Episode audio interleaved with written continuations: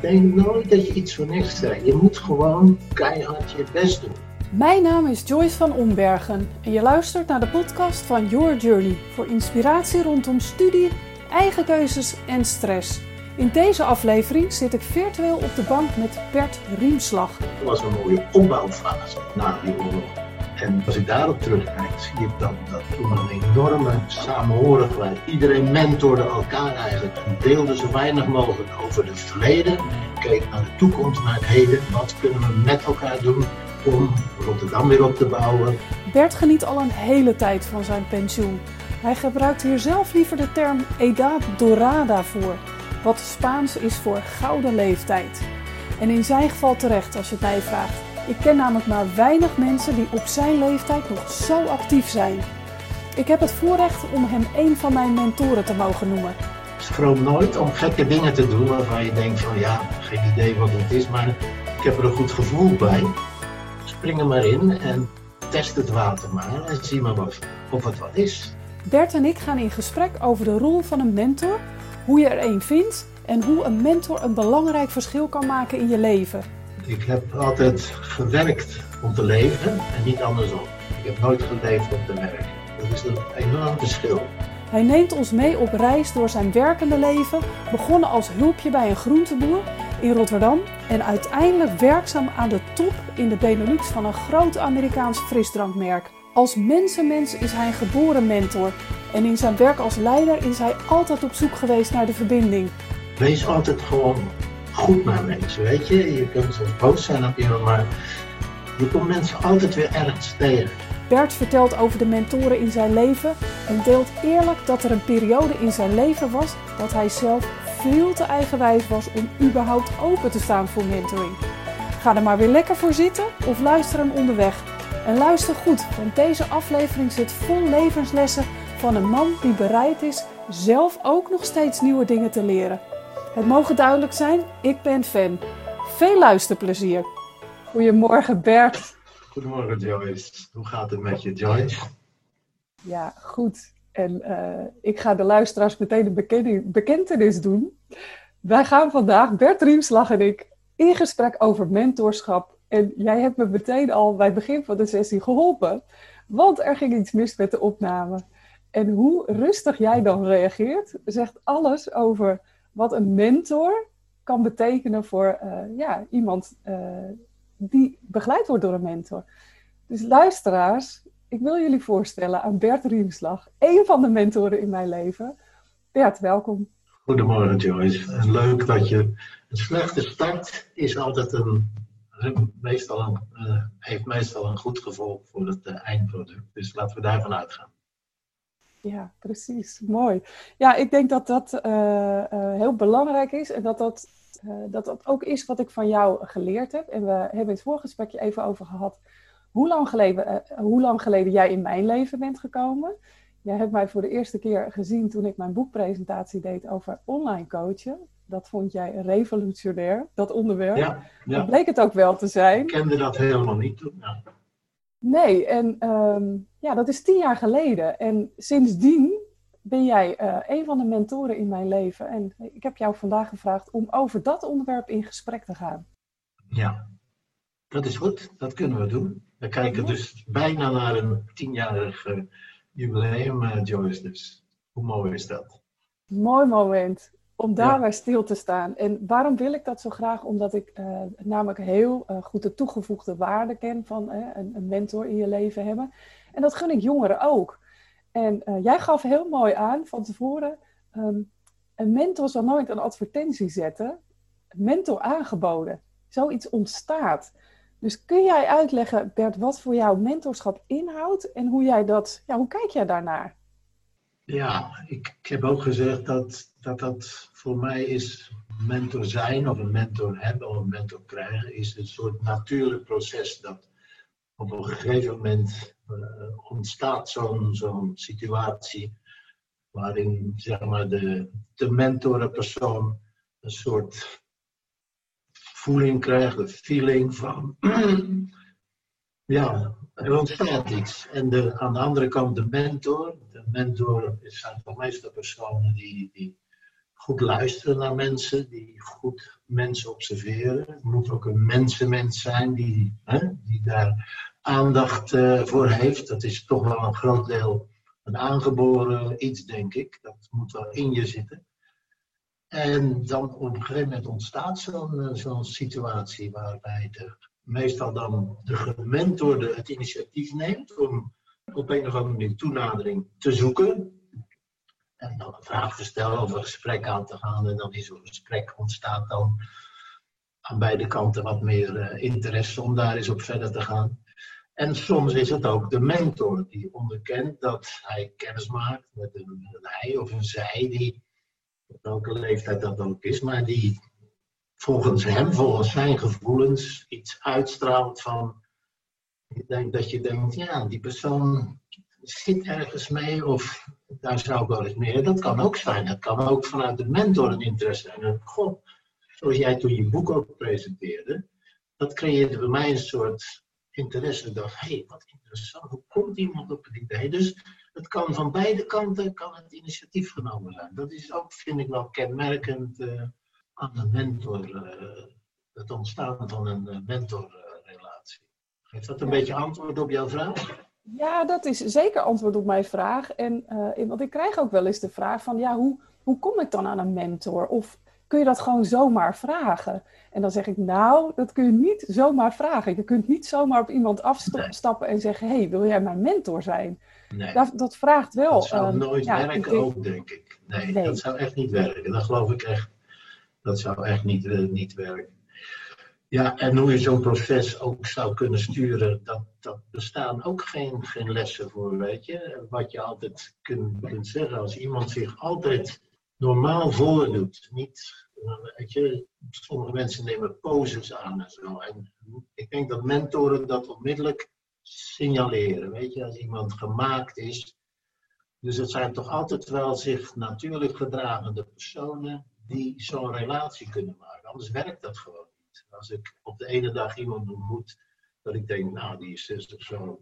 En de andere keer kom ik tegen een totaal andere uitstraling. Zo, dan, dan, ja, dan, dan botst dat tegen een soort filter op, waardoor je denkt, nee, met zo'n persoon, dat geldt ook voor je normale relaties in het leven natuurlijk, dat je mensen prefereert, althans, ik denk dat ik dat zeker doe, dat je mensen prefereert die zich normaal voordoen, die geen, geen poses aannemen. Dat, uh, dat vind ik ook wel een heel belangrijke filter uh, in, het, in het ontstaan van zo'n relatie. Ja. ja, mooi. Ja, Bert, um, ik ben het helemaal met je eens, want inderdaad, um, het is het filter waar, waar jij uh, na al die jaren, want even voor de luisteraar, Bert is inmiddels gepensioneerd, al heel wat jaartjes.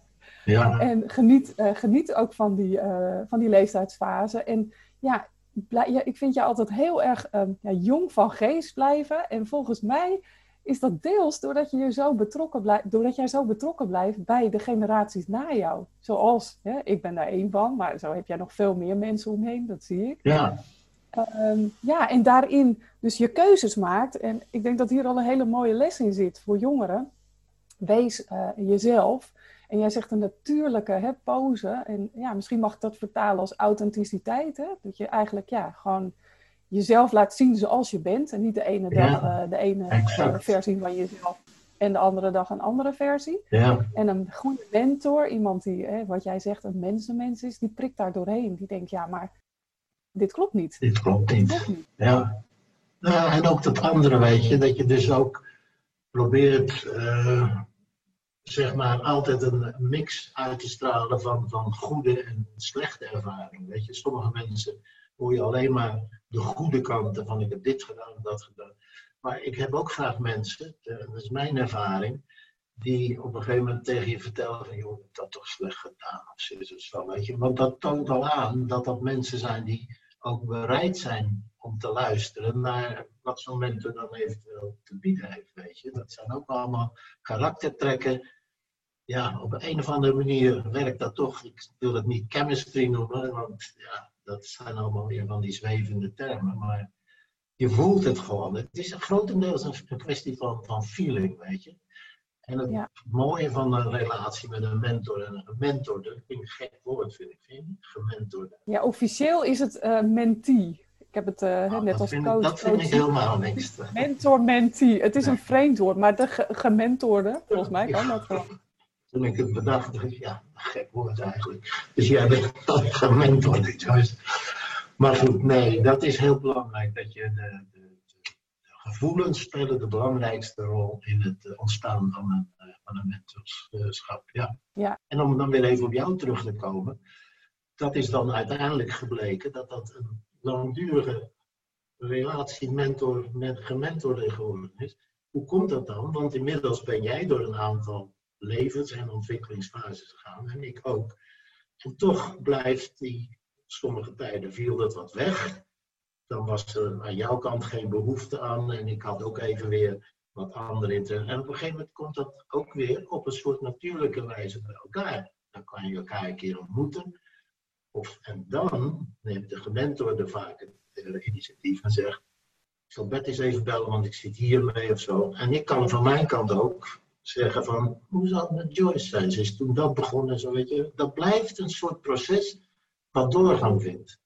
Dat vind ik wel heel, heel waardevol ook. Uh, heb ik dat als heel waardevol uh, ervaren. Ja. In diverse van die relaties. Ja, ja ik ook Bert. En, en uh, dat is ook heel, heel mooi dat je aangeeft, hè, soms heb je meer behoefte aan mentoring in je leven dan. Hè, dat zijn echt ook de leeftijdsfases, denk ik, waar je doorheen gaat. Ja. Maar ook de fases in, nou, in mijn geval in mijn bedrijf, hè, in mijn eigen bedrijf.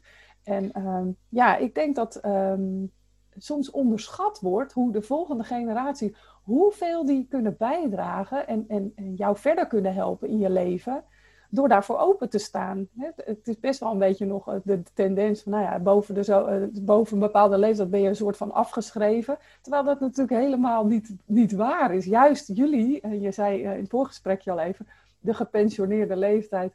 La Edad Dorada, de gouden leeftijd. ja. Ja, dat is, dat is waar. Want jullie, jij hebt in je leven zo ontzettend veel meegemaakt. In je werk, in, uh, in je privéleven. En ja, als je daar dingen over kan delen, of in ieder geval uh, vanuit die visie kunt luisteren naar de ander, ja. dan heeft dat een enorm toegevoegde waarde. Ja. En dan zijn de luisteraars natuurlijk benieuwd, want Bert, jij bent gepensioneerd, maar je hebt ontzettend veel gedaan tijdens je leven. En zelf een aantal mentoren gehad. Kun je ons daar eens in meenemen? Ja, ja je zult daar delen van dat verhaal herkennen. Ik deel mijn leven eigenlijk op in, in drie fasen. De eerste fase is zeg maar van ruwweg van 0 tot 20 ongeveer. Dat is de tijd dat je wordt opgevoed en opgeleid door, liefste natuurlijk door, door twee liefhebbende ouders. Dat is die fase. Nou, ik ben dus geboren in uh, 1938, vooroorlogse kwaliteit, in Rotterdam, mijn uh, geliefde geboortestad. En toen ik ongeveer anderhalf, twee was, brak de oorlog uit. Dus dat werd een hele vervelende tijd. Ik gebruik dat zelf heel veel momenteel om wat er momenteel aan de hand is te relativeren. Dat ik terugkijk op die periode. Niet zozeer voor mij, want ik was nog heel klein. Ik was anderhalf toen de oorlog uitbracht en ik was bijna zeven toen het afgelopen was. Dus van het laatste deel heb ik nog wel herinnering. Maar het was met name een ontzettende moeilijke periode voor ouders, maar ook voor alle andere mensen, voor onderwijzers op school enzovoort. Dat moest allemaal geïmproviseerd worden. En er was altijd die angst, die jaren. Uh, hoe verder de oorlog duurde, hoe onnatuurlijker de situatie wordt. Ook met spertijd, dat je na vijf uur s'avonds niet meer op straat mocht. En als je dan toch op straat loopt, dan kwam er niet een boa op je af, maar dan kwam er een grote Duitser op je af. In Rotterdam noemden ze liefkozend de mof. Maar die kwamen op je af met een geweer en die schreeuwden heel hard en zo. Dat was toen de situatie. Die continue angst en naderhand ook nog, uh, er was geen verwarming, er was geen verlichting, er was geen eten. Het was een ontzettend dramatische toestand.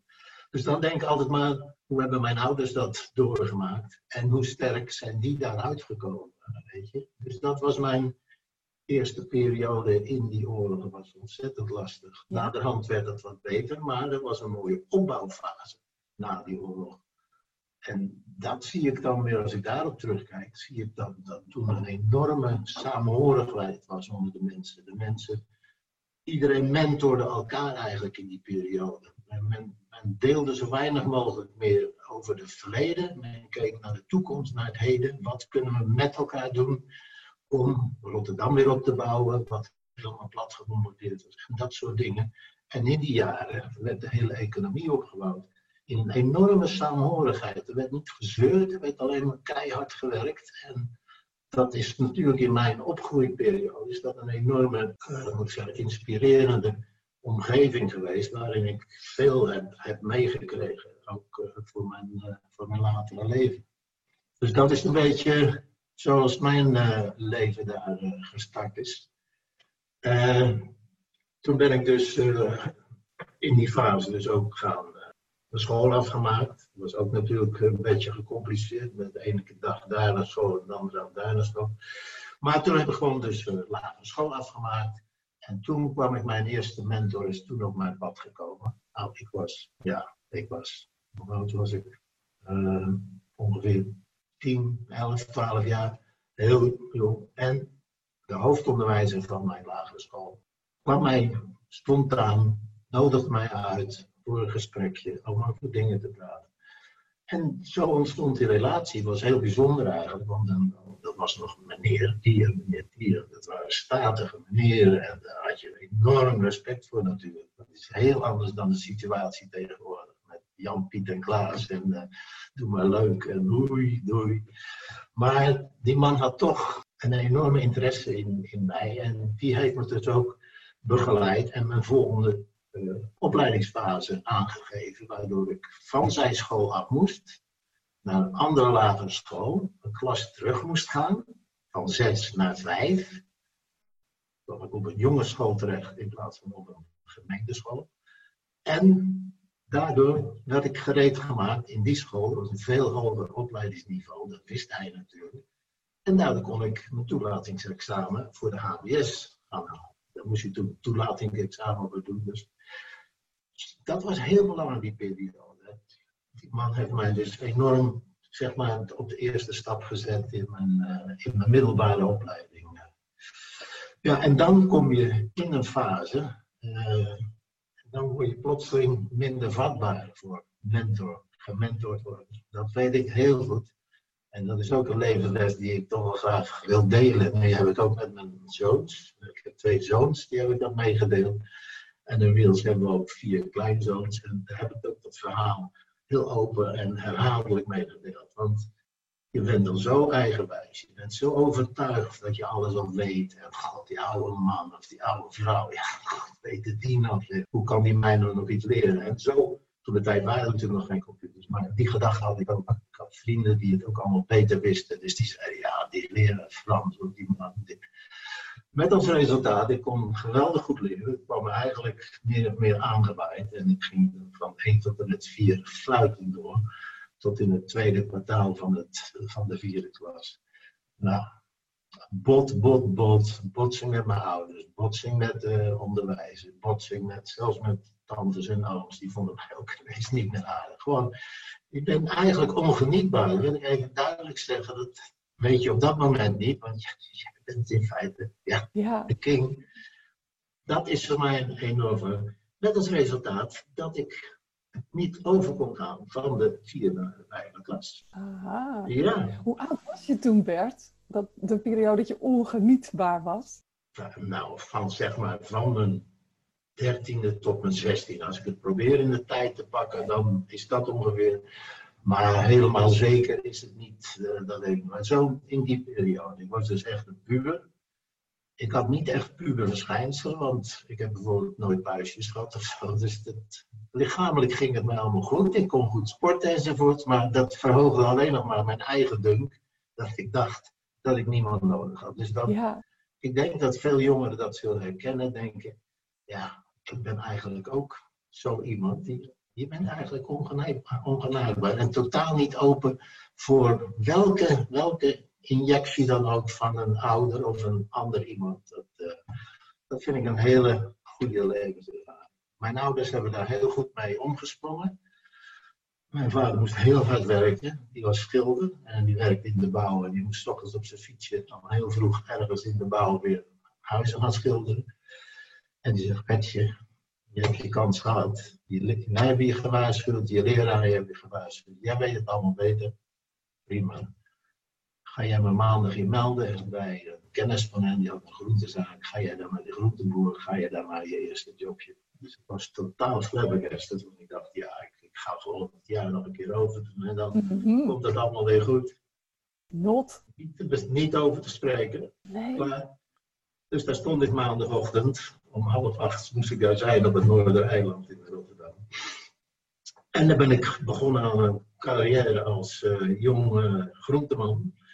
Kisten sjouwen van, de win- van het magazijn naar de winkel en omgekeerd. eh, op een transportfiets met twee kisten, apelen voorop, geschild. Naar de stad rijden, naar een restaurant. Bam, bam, bam, bam. Dat was het leven wat me dan toen ja, ik vond het ergens ook alweer begrijpelijk. Ik begreep het eigenlijk onmiddellijk. Dat ik het gewoon aan mezelf te danken had. Dus ik dacht, ja, oké. Je hebt gelijk, pa. Je hebt gelijk. Ik ga er gewoon. En ik fietste lekker mijn ding. Maar ik had ook wel in de gaten, Joyce. Als ik dan zaterdagmiddags op de tram stond. Om terug te gaan naar, eh, naar huis. Na een lange dag van werken. Want zaterdags moest je gewoon op voordagen werken. En er stonden allemaal net geklede mensen in de tram. Die gingen al uit. En ik stond daar in mijn toch wel tamelijk doorgewerkte plunje.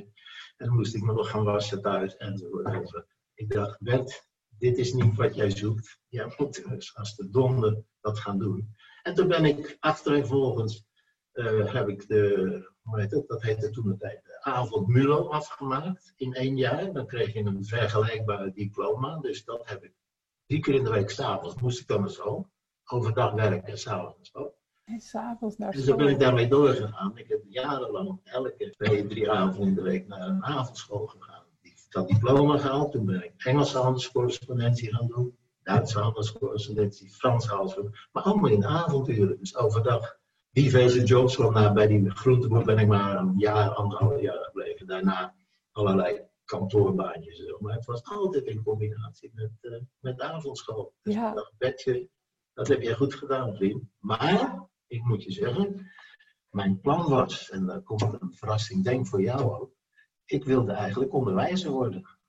Ja, Dat ongelooflijk. was- Ja, dat heb je mij wel een keer verteld. Maar dat ja, is toch bijzonder dan, hè? Ik wilde onderwijzer worden, dus ik wilde na de HBS naar de, heette toen tijd de kweekschool gaan. Om dan onderwijs, dat zag ik helemaal zitten. Dus dat gaf ook al aan, dat, dat heb ik toch wel ook een beetje in mij, dat ik mensen dingen mee wil geven enzovoort. Ja. Weet je, dat, maar ja, het is er niet van gekomen, want je moest daar toen de tijd dat diploma voor hebben. En dat had ik niet, maar inmiddels had ik ook al zo'n beetje een idee. Ik zie andere dingen. Ik ging ook andere dingen zien, weet je. Het bedrijfsleven en dat soort dingen. Ja. Ik werkte veel op scheepvaartkantoren. En daar kwam weer in, in aanraking met het wereldsgebeuren, het handelsgebeuren, het transportgebeuren. Rotterdam is natuurlijk een gigantische, toen het tijd ook een gigantische spot in de wereld waar, waar alles gewoon gebeurt. En toen kreeg ik ook al interesse in, in. Ik ging dus op mijn talen focussen. En ik dacht, ja, als je nou maar veel talen spreekt en schrijft, dan gaat het allemaal wel een andere kant uit. En zo is het gekomen, Joyce. En zo is het gekomen, Bert. En Ja. ja, lu- luisteraars, dit verhaal krijgt nog een heel mooi staartje. Want je werd geen onderwijzer, maar je ging wel, eh, doordat, eh, doordat je veel met de wereld, wat er nog meer te koop was in de wereld, ging je wel veel reizen. Ja. En ben je wel iets heel bijzonders gaan doen. Ja, Kun je daar wat over vertellen? nou, ik, zei, ik ben dus begonnen, dat doet elke Rotterdamse jongen eigenlijk een beetje. Dan ga je naar een scheepvaartkantoor en dan ga je daar, of op de kapiteinskamer, dan leer je omgaan met wat die schepen allemaal losse laden. Daar, daar zijn dan documenten voor nodig. Die moeten geklaard worden bij de douane. Dat zijn hele leuke jobs, heel breed. Je, je kreeg een, een brommer van de, van de zaak. Je moest jouw documenten gaan, je moest naar schepen gaan enzovoort. Om met de bemanning en de kapitein allerlei zaken te regelen die zij nodig hadden. Dat is een enorme industrie in Rotterdam. En daar heb ik in verschillende fases van dat eh, bedrijf, uh, scheepvaarttoestanden, heb ik eh, diverse jobs gehad. Ik heb ook alle aannamebrieven en ook mijn ontslagbrieven, want na een aantal maanden of soms na een jaar ja, had ik het ook wel weer gezien. dacht ja, ja, wil toch weer wat anders. Weet je, was gewoon een beetje aan het scannen van wat er in die wereld allemaal te doen was. Ik heb ook altijd aannamebrieven met uh, beginsalaris en zo, heb ik allemaal bewaard. heb ik allemaal nog in een document. En ook als ik dan weer wegging, kreeg ik een keurig getuigschrift van dat je goed je best had gedaan. Want dat had je weer nodig bij een volgende sollicitatie. De jobs lagen toen wel voor het oprapen, moet ik zeggen. Als je dus vrijdags wegging ergens en je deed een beetje je best, dan kon je de andere week alweer ergens beginnen. Dat was een enorme uh, vraag naar zeg maar, mensen toch met uh, wat opleiding in die kantoorbanen allemaal. Dus dat was, uh, zat me wel erg mee. En toen heb ik er dan diverse gedaan. toen heb ik een tijd, toen kwam ik ook weer een mentor tegen dan, gewerkt voor een Amerikaans constructiebedrijf. Ik dacht ik, scheepvaart, ja, daar zitten ook heel veel kwalijke kantjes aan. Van drank, sigaretten en toestanden met mokkel. Mokkel, hè? Daar is een gevaarlijke kant, is het Bert. Ik ben dan ook niet helemaal altijd heel stevig in mijn schoenen als het uh, om een drankje ging toen ook en zo. Dus ik dacht, daar moet ik maar wat anders, de andere kant uitgaan. En toen was er een enorme bouwfase in het Rotterdamse gebied. Er werden allerlei raffinaderijen werden gebouwd. Dat deden allemaal Amerikaanse bedrijven. Ik was op Rozenburg. En s ochtends om uh, 7 uur op de dorpsweg op de bus en naar het Europoortgebied. En daar werd ik Material Supervisor. Dat gelijk al een titel. Fantastisch. Uh, wat erop neerkwam, dat daar kwamen ontzettend veel goederen werden daar binnengebracht in die nissenhutten. Magazijnen waren daar gebouwd. En ik was dan de supervisor. Ik had een stuk of tien van die uh, Brabantse mensen. Die moesten dan allemaal die spullen uitpakken. En allemaal in vakken leggen en doen en zo. En als dat dan nodig was, dat er weer een pijp nodig was, een schroef, een afsluiter en zo. Dat is een enorm proces, logistiek, geweldig uh, veel geleerd hoe ze dat allemaal, hoe ze dat allemaal regelen. Zonder computers en ze hadden wel telefoon natuurlijk, maar voor geen computers. En toch was elke keer op tijd, als er een bepaalde deel van de raffinaderij klaar was, er weer het materiaal, was alweer gearriveerd, lag netjes in magazijn. En dan werd er vanuit de veld kwamen mensen dat halen, moesten er zijn. Dus dat was mijn baan. Uh, vond ik erg leuk, heb ik gedaan. Ik denk over anderhalf jaar. Uh, toen heb ik een advertentie gereflecteerd voor Wrigley, groot Amerikaans chewing gum bedrijf. De chewing gum. Hier komt de stap naar de, over de plas. Ja, over de plas, inderdaad. Het hoofdkantoor zit in Chicago. Amerika. Een familiebedrijf, de familie Wrigley. Uh, vroeger had je in Nederland dan PK al, allerlei kleine tabletjes.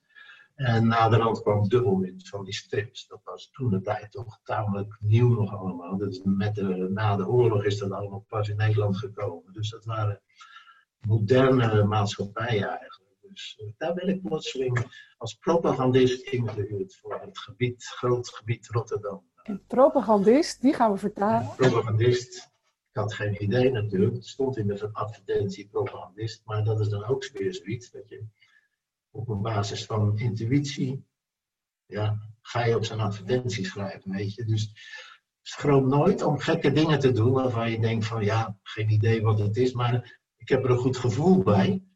Spring er maar in en test het water maar en zie maar wat, of het wat is. Dus dat was bij mij ook zo. Ja, en leer zwemmen. Want inderdaad, het, het, is, ik vind het zo mooi, Bert, dat jij toen ook al... Hè, toen had je nog de advertentie in de kranten, die zijn er natuurlijk nog wel... maar jongeren kijken toch met name op uh, online plot, platformen. Ja, ja, ja. Uh, maar het gevoel volgen van, hé, hey, wat zou dit zijn? Jij ging het gewoon onderzoeken. Ja. En uh, ja, ja, bent dus daar gaan werken. Ben je daar mentoren tegengekomen? Want dan kom je natuurlijk in een hele andere wereld terecht. Vanuit Rotterdam heb je in één keer met een wereld, uh, een groot bedrijf te maken. Ja. Andere taal. Maar het waren ook wel weer Amerikanen. En internationaal georiënteerd. Ja. Het was toch in plaats van het onderwijs, wat toch tamelijk tunnelachtig is, kwam ik terecht in internationaal, hoofdzakelijk Engels natuurlijk, en veelal Amerikaanse connecties. Ja, ja uh, mentor doende op in het, ik denk dat ik het tweede jaar daar werkte. Ik moest de winkels bezoeken in Rotterdam en omstreken. Ja, ging allemaal fluitend, ging leuk. Er kwam een meneer uit Amerika, dat was een van de topmensen uit Amerika. Die kwamen dan in de, in de field, heette dat. Die kwamen een field visit doen. En ik heb die man de hele dag met mij meegenomen in de auto. En die ging gewoon met mij mee, die praatte met mij natuurlijk. Over het werk en over het leven, over dit en over dat. Hele gedistingeerde Amerika. Clyde die voor, zal nooit vergeten. En die gaat met mij mee en op dat moment was ik bezig in, in Dordrecht, weet je, want ik moest het hele grote gebied doen. Dus Ja. we gaan naar Dordrecht, we parkeren daar de straatjes, gaan met hem al die winkels in. Ja, dan was het in Nederlands, maar Nederland, ook die winkeliers, de meesten spraken toch wel wat Engels. Dus in de ene winkel was het heel kort en snel weg, maar in andere kwam hij ook in gesprek met winkeliers en zo. Nou, dus ik vond het een leuke dag en hij, ja, geweldig, dit en dat. En die brief heb ik ook nog. Ik kreeg na, hoe heet het, na een week of zoiets kreeg ik een brief. Dat was toen al luchtpostpapier. Ik heb het briefje nog, een heel dun papier, een hele dun envelop. Dun blauw papier. Ja, een heel dun briefpapier. Dat woog niks, want dat moest met lucht. eh dan had je luchtpost en, eh, en, en zeepost. En daar schreef hij in dat hij zo'n briljante dag had gehad. En dit en dat. En vanaf dat moment was hij mij continu aan het, aan het volgen. Was hij ook interveneerde hij bij mijn baas en zo. Ja, eh, dat heeft wel geresulteerd dat ik op een gegeven moment daar eh, naar Londen moest komen om met hem een gesprek te hebben. En de Europese eh, baas van, eh van toen de tijd. Eh, en daar stelden ze mij de vraag van, eh, ja, we denken dat jij eh, de goede man bent om in België en Luxemburg eh, een bedrijf van Wrigley te stichten, vanaf de grond. Fantastisch. Fantastisch. Nou, ik zit daar te kijken en denk, ja, wat gebeurt mij nu? Eh, dus, volledige propositie, dit en dat. Ik zou in Brussel moeten gaan wonen. Ja, Joyce, dat is ook iets waar ik mensen voor wil waarschuwen. Kijk uit wat je doet. Want ik was natuurlijk helemaal in de wolken. Mijn ego was gestreeld tot boven het dak van eh, een mooie bedrijfsauto die ik eh, toen al jaren gebruikte. Een mooie Ford Taunus. Eh, ik reed van Amsterdam, van de airport Amsterdam naar, terug naar huis in Rotterdam. De volksbuurt in Rotterdam. Op een inwoning bij een eh, lieve oude vrouw. En ik vertel Nelly van, moet je nou eens luisteren, dit en dat. eh. heb jij zin om met mij en met Rudy, die was toen anderhalf jaar onze eerste zoon. Heb jij zin om met mij naar, eh, naar Brussel te verhuizen? En Nelly zegt, ja, schat, zouden we dat wel doen? Zouden we dat wel doen? Ja. Ja. Ik had natuurlijk al beslist, hè. Ja. Ja. Dat is echt een waarschuwing die ik wil hebben. Doe dat niet te licht. Het heeft voor ons uiteindelijk op de lange termijn goed uitgepakt, maar Joyce, we hebben daar de prijs voor betaald. Verhuizen met, eh, met je kleine jongen van anderhalf jaar naar een vreemd, was toen een vreemde stad. Nu lijkt Brussel gewoon dichtbij, was toen ook niet zo leuk, maar we hadden geen telefoon in het huis wat we toen van de firma toegewezen kregen. Ik moest allemaal zelf uitvinden. daar. Ik moest naar het postkantoor om te bellen naar, naar de zaak. Of om te bellen naar, om een afspraak te maken. Weet je, zo. niet voor te stellen. hè. Ik bedoel nu. Uiteindelijk, na veel vijven en zes. Ja, dit is echt wel een anekdote kun je het noemen. Maar na veel vijven en zes aandrukken van, van Wrigley. En eh, die hadden een advocatenkantoor in Brussel die zich daarmee bemoeide. Kregen wij telefoon. Maar dan kregen we een zogenaamde partyline. Kwamen ze van de Belgische telefoondienst kwamen ze een toestel installeren. Dat is een ding met een draaischijf.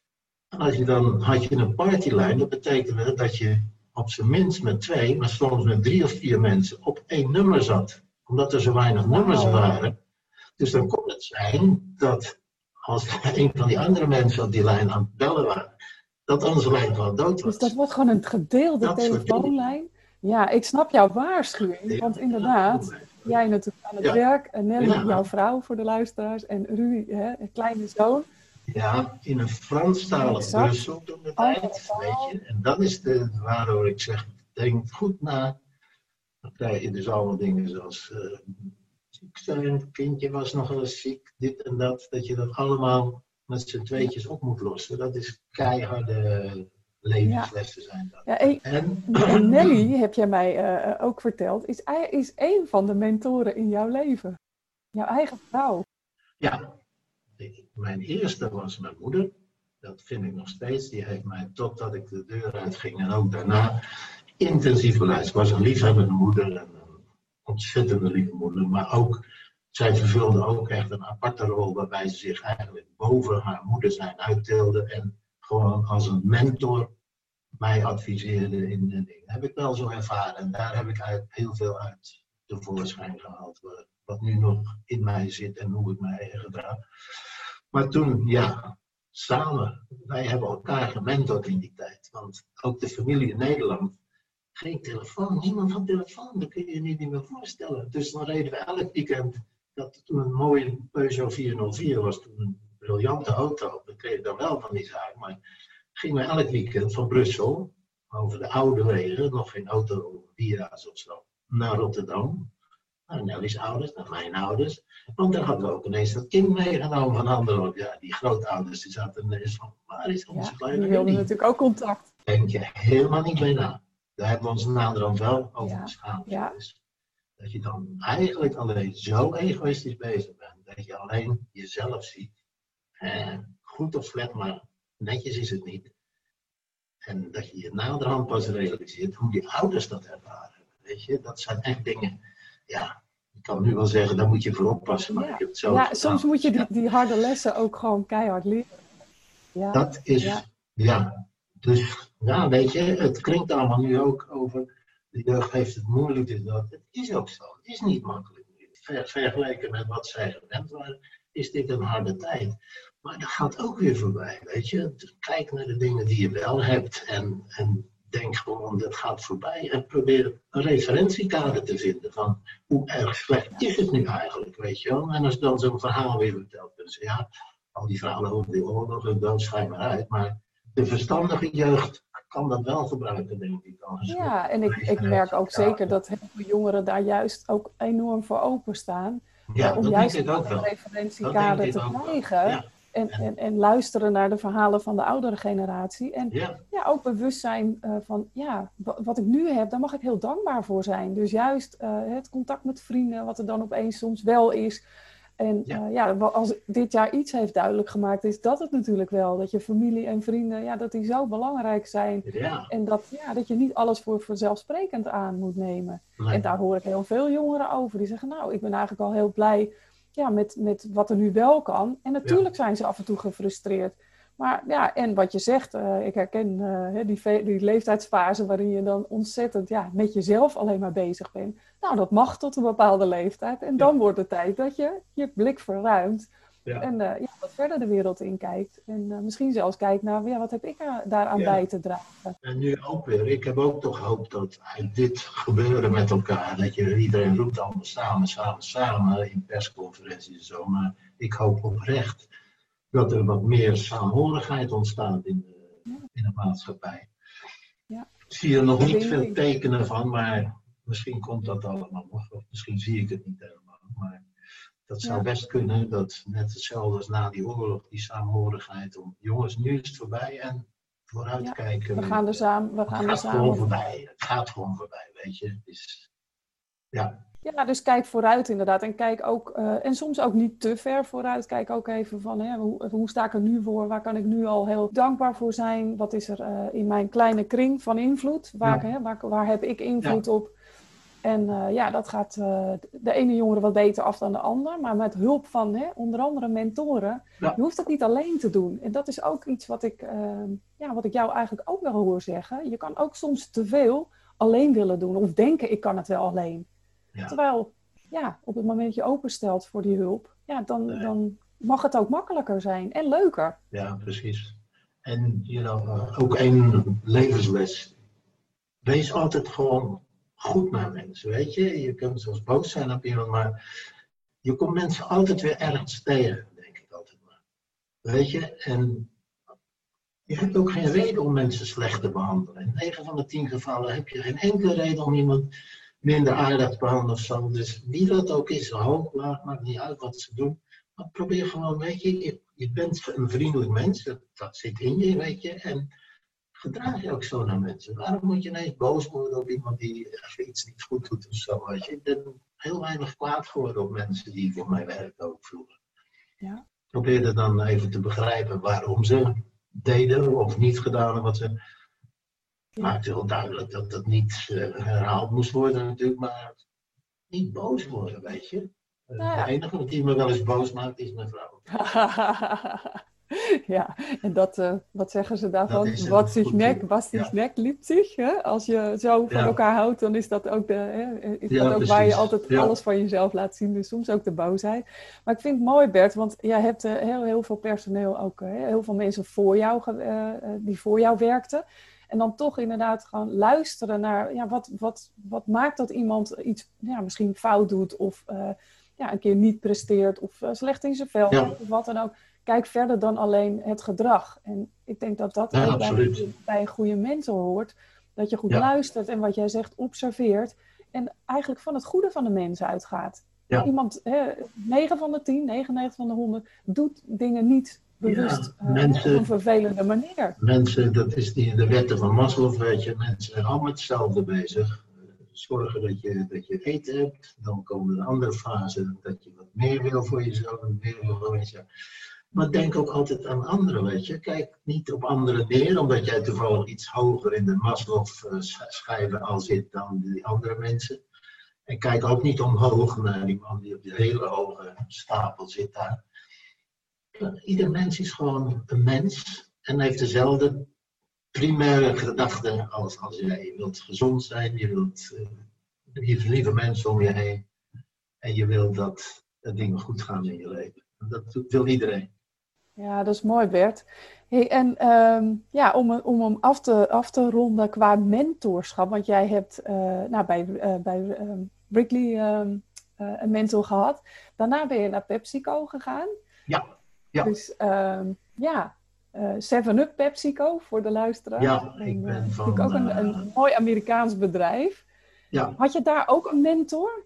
Ja, ik had daar ook een mentor. Ik, had dus, uh, ik heb totaal 8,5 jaar bij Wrigley gewerkt. En toen, toen de tijd uh, waren ook al headhunters. Uh, benaderden mij ook van tijd tot tijd. En die kwam ineens met een grote Amerikaanse internationaal frisdrankmaatschappij op te proppen. Of ik daar interesse in had. Hij mocht de naam niet noemen. Ik werd aangenomen in het Hilton in Amsterdam door een uh, Amerikaan, John Spear III. Die hadden zo drie van die dingetjes achter zijn naam staan. Dus uh, waanzinnige Amerikaan. Uh, enorme mentor voor.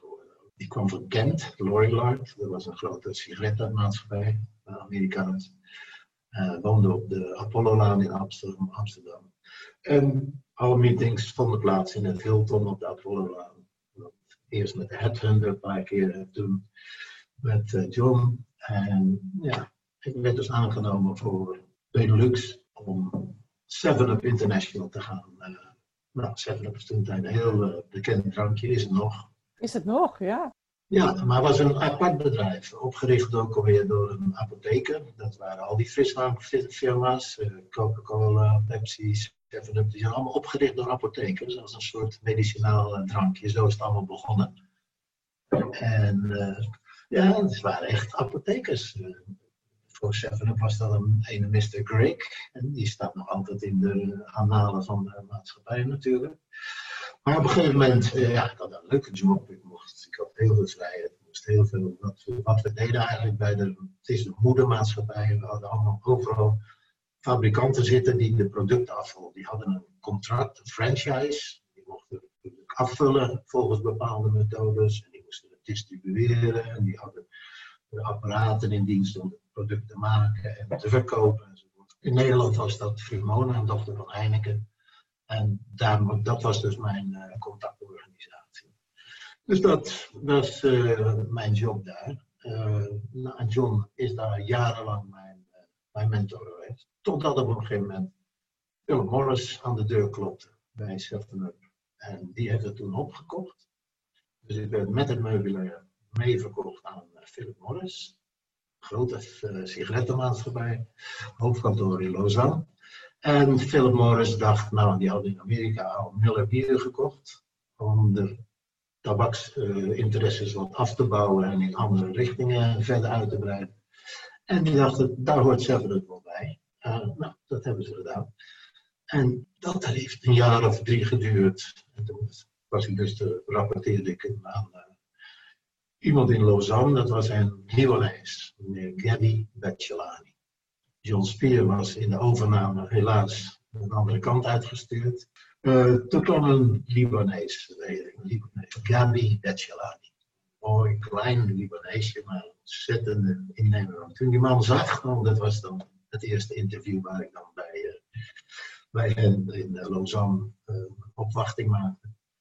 Klikte onmiddellijk. Hij sprak perfect Engels, een gentleman op en top, altijd in de puntjes gekleed. En dat klikte gelijk. Die wilde mij gelijk hebben. En die heeft me continu begeleid. Wel duur. Heel hard. Uh, hij was een mentor, maar een duo-mentor. Die heb je ook. Hè? Je hebt behoudende mentoren. ja, ja, je hebt zelf maar zo, maar hij was echt een, een pusher. Heel veel aan gehad. Uh, totdat, uh, nog even goed nadenken, in 1986 was ik inmiddels al alweer 13 jaar bij hem in dienst. Eerst bij Seven toen bij Philip Morris. Toen werden we weer verkocht. Was ik met een hele grote groep uh, Belgische handelaren was ik in Mexico bij de voetbal. Dat was een wedstrijd als incentive reis. En daar kreeg ik een bericht dat we zijn verkocht. En deze keer aan Pepsi. Weer verkocht met het meubelen. Ja, ja.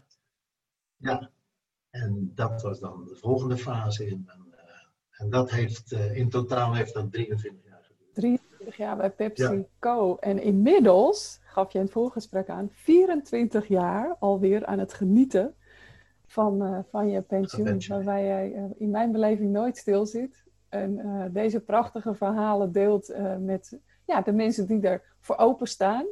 En ja. dat zijn er best wel wat. Het is nooit stil om jou heen, dat weet ik. Dus, uh... Ja, ik heb nooit meer iets van werken gedaan. Ik heb altijd gewerkt om te leven en niet andersom. Ik heb nooit geleefd om te werken. Dat is een enorm verschil. Ons doel, samen met Nelly, want wij zijn al 62 jaar samen nu, dus wij hebben alles wel samen meegemaakt. En een hele goede mentor. Dat als ik 55 zou zijn, dat ik zou kunnen stoppen met werken. Waarom? Ja, omdat ik toch wel heel veel weg ben geweest in uh, mijn werkzame leven. De opvoeding van kinderen is eigenlijk 90% door Nelly gedaan. Ja, dus ik heb ook wel een prijs betaald voor nu 24 jaar al gepensioneerd te zijn en een briljant leven te kunnen leiden. Betaalt altijd de prijs voor dingen die je, die je wilt verhogen. Ja. Dat nou, dat, ik denk dat daar ook weer een mooie les in zit. Dat, hè, um... Ja, denk niet dat je iets voor niks krijgt denk nooit dat je iets voor niks krijgt. Je moet gewoon keihard je best doen. Ja. En blij zijn dat je dat mag doen, weet je. Dat is in mijn tijd was dat minder uh, toepasselijk, want je kon tamelijk makkelijk van de ene job naar de andere gaan.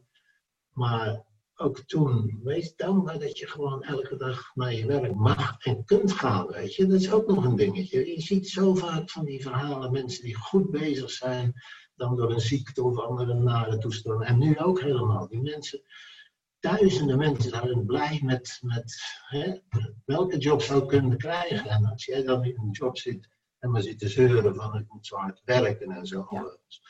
Niet ja, dat is niet belangrijk, want die politici ook steeds roepen van ja, we werken zo hard, we werken keihard. Ja, nou, wat is, wat is dat nieuw? Ja. Natuurlijk, iedereen werkt keihard dat als je dat gaat vertellen van, joh, ik heb zo hard gewerkt, we doen er alles. Ja, dat hoef je helemaal niet te vertellen. Vertel maar wat je wil doen om wat het probleem beter te maken. Dat je hard werkt is gewoon, ja, normaal toch? Dat hoort erbij. Ja, en hard werk kan hartstikke leuk zijn. En wat en ook dit jaar. Precies. Dat, en is alleen maar leuk. Exact. Ja. Dat heeft echt met je eigen keuzes ook te maken. En wat we dit jaar natuurlijk ook zien, is dat ja, jongeren gewoon ook blij zijn dat ze naar school mogen dat hè, toch gebleken is dat school... Nog nooit gehoord. Ja. Nog nooit een kind horen zeggen, ik zal nee, blij zijn Maar dit jaar wel, dit jaar wel, omdat het... Onderwijzers van Nederland, Ja, die zijn blij. Want ja, weet je, school heeft natuurlijk ook een sociale functie. En, en school heeft, uh, nou ja, wat, wat jij al zo mooi aan het begin vertelde, uh, daar lopen ook een hoop mentoren rond. En ja, ik denk dat uh, jongeren daar, ja. Nou ja, dat is ook alweer de, de, de, positieve kant van wat iedereen nu meemaakt. De een wat erger dan de ander. Ja. Maar dat je meer waardeert als alles straks weer normaal is, weet je. Ja. Maar we gaan het zien. Mooi. Mooi, ja. mooi einde, Bert. Alles waarderen wat er, wat er is. En, uh, ja. ja. Zijn we aan het einde, wat jammer. Ja. Voor nu is dit hem, uh, Bert, denk ik. Ik uh, kijk Wij nog praten gewoon verder. Wij praten sowieso verder, dat doen we altijd. Misschien leuk om met de quote te eindigen, waar, die, jij mij, die op mij indruk heeft gemaakt, die jij mij, mij deelde als mentor. Don't bite more off than you can chew. Ja, is een Amerikaanse uitdrukking. Uh, als je met Amerikanen werkt, dit zijn toch wel mensen die echt de waarde van werken uh, heel hoog in het vaandel hebben staan. Dat is, en daar ook om diverse learnings in mooie kreten weten te verpakken. Ja. En dit is er een die ik ook altijd wel onthoud. Dat is van een eerste mentor bij, bij Wrigley. Die zei ook altijd, don't bite off more than you can chew. En dat is ook een les. Je kunt wel energiek zijn en een heleboel dingen tegelijk willen doen, maar het is heel simpel. Don't bite off more than you can chew. In goed Nederlands, stop niet meer in je bek dan dat je kan doorslikken. Dan dat je kan doorslikken. Dames en heren, Bert Riemslag. Dankjewel Bert. Oké, okay. dankjewel Joyce. Hiermee kom ik aan het eind van deze aflevering. Heb je een vraag? Je vindt me op Instagram via yourjourney.a. Ik vind het heel leuk om daar met je te connecten. Kun je wel wat hulp gebruiken bij het maken van keuzes rondom studie, werk of tussenjaar? Of wil je leren dealen met stress in plaats van er tegen te vechten? Ga dan naar yourjourney.academy en download mijn gratis videoserie of 30 tips tegen stress. Wil je geen aflevering meer missen? Abonneer je dan op deze podcast. En ken je iemand voor wie deze aflevering interessant is? Deel hem dan via je socials. Daarmee help je mij om nog meer jongeren te bereiken. Ben of ken je iemand met een inspirerend verhaal? Mail me dan op info at yourjourney.academy. Bedankt voor het luisteren en tot de volgende keer.